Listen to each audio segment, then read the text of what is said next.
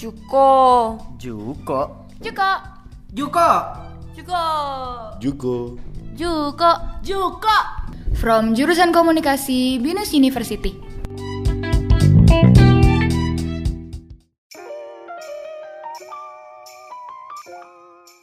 Halo semuanya, selamat datang di podcast AAJE. Kali ini kita akan menceritakan kisah rakyat tentang maling kundang yang merupakan kisah rakyat dari daerah Padang, Sumatera Barat. Oke, nggak usah berlama-lama, mari kita mulai alur ceritanya.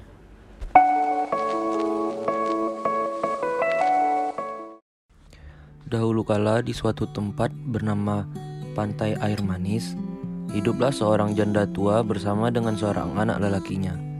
Janda tersebut bernama Mande Rubayah dan anak lelakinya yang bernama Malin Kundang.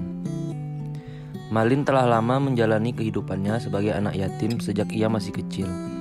Mande bersama dengan Malin telah lama menjalani hidup yang serba kekurangan dalam jeratan kemiskinan. Saat Malin sudah dewasa, ia meminta izin kepada ibunya untuk pergi merantau ke kota.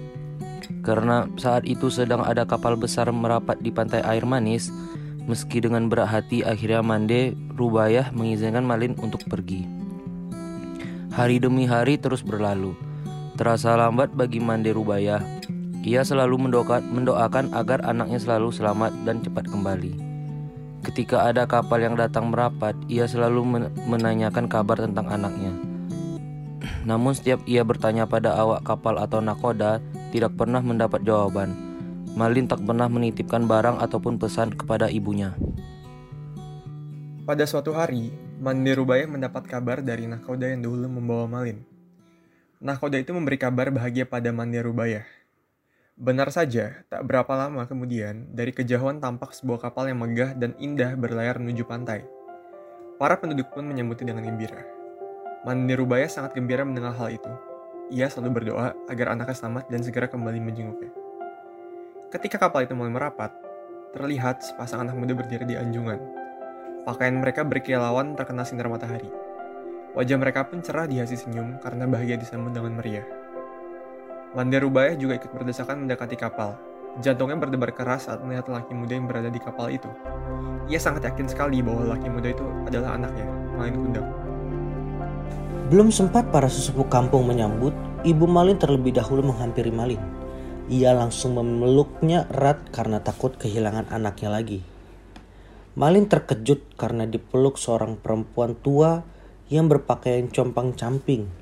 Ia tak percaya bahwa perempuan itu adalah ibunya. Sebelum dia sempat berpikir untuk berbicara, istrinya yang cantik itu meludah dan berkata jahat, yaitu wanita tua dan jelek, inikah ibumu? Mendengar kata-kata pedas istrinya, Malin Kundang langsung mendorong ibunya hingga terguling ke pasir dan berkata, Maden Rubayah tidak percaya akan perilaku anaknya. Ia jatuh terduduk sambil berkata kepada Malin bahwa ia adalah ibunya. Malin Kundang tidak memperdulikan perkataan ibunya. Ia malu kepada istrinya. Melihat perempuan itu bersujud hendak memeluk kakinya, Malin Kundang menendangnya sambil berkata kasar. Mande Rubayah pun terkapar di pasir dengan tangisan dan sakit hati. Orang-orang yang melihatnya pun ikut terpana dan kemudian pulang ke rumah masing-masing. Mande Rubayah pingsan dan terbaring sendiri. Dan ketika ia sadar, pantai air manis sudah sepi. Dilihatnya kapal Malin semakin menjauh. Ia tak menyangka Malin yang dulu ia sayangi tega berbuat demikian. Ia kemudian berdoa dengan hatinya yang pilu dan memohon keadilan Tuhan terhadapnya. Tak lama kemudian datanglah badai besar menghantam kapal Malin Kundan, Kundang. Saat itu juga kapal hancur berkeping-keping. Kemudian terbawa ombak hingga ke pantai.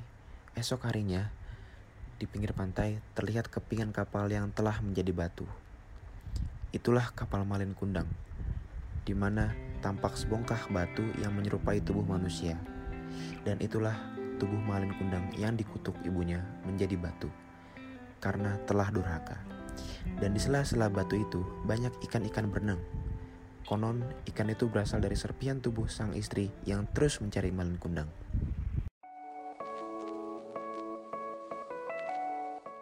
Nah, demikian kisah rakyat tentang Malin Kundang.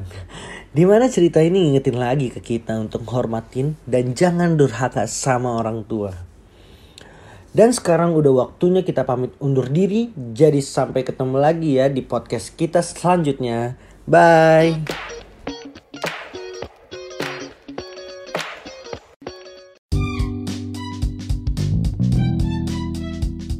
From Jurusan Komunikasi Binus University.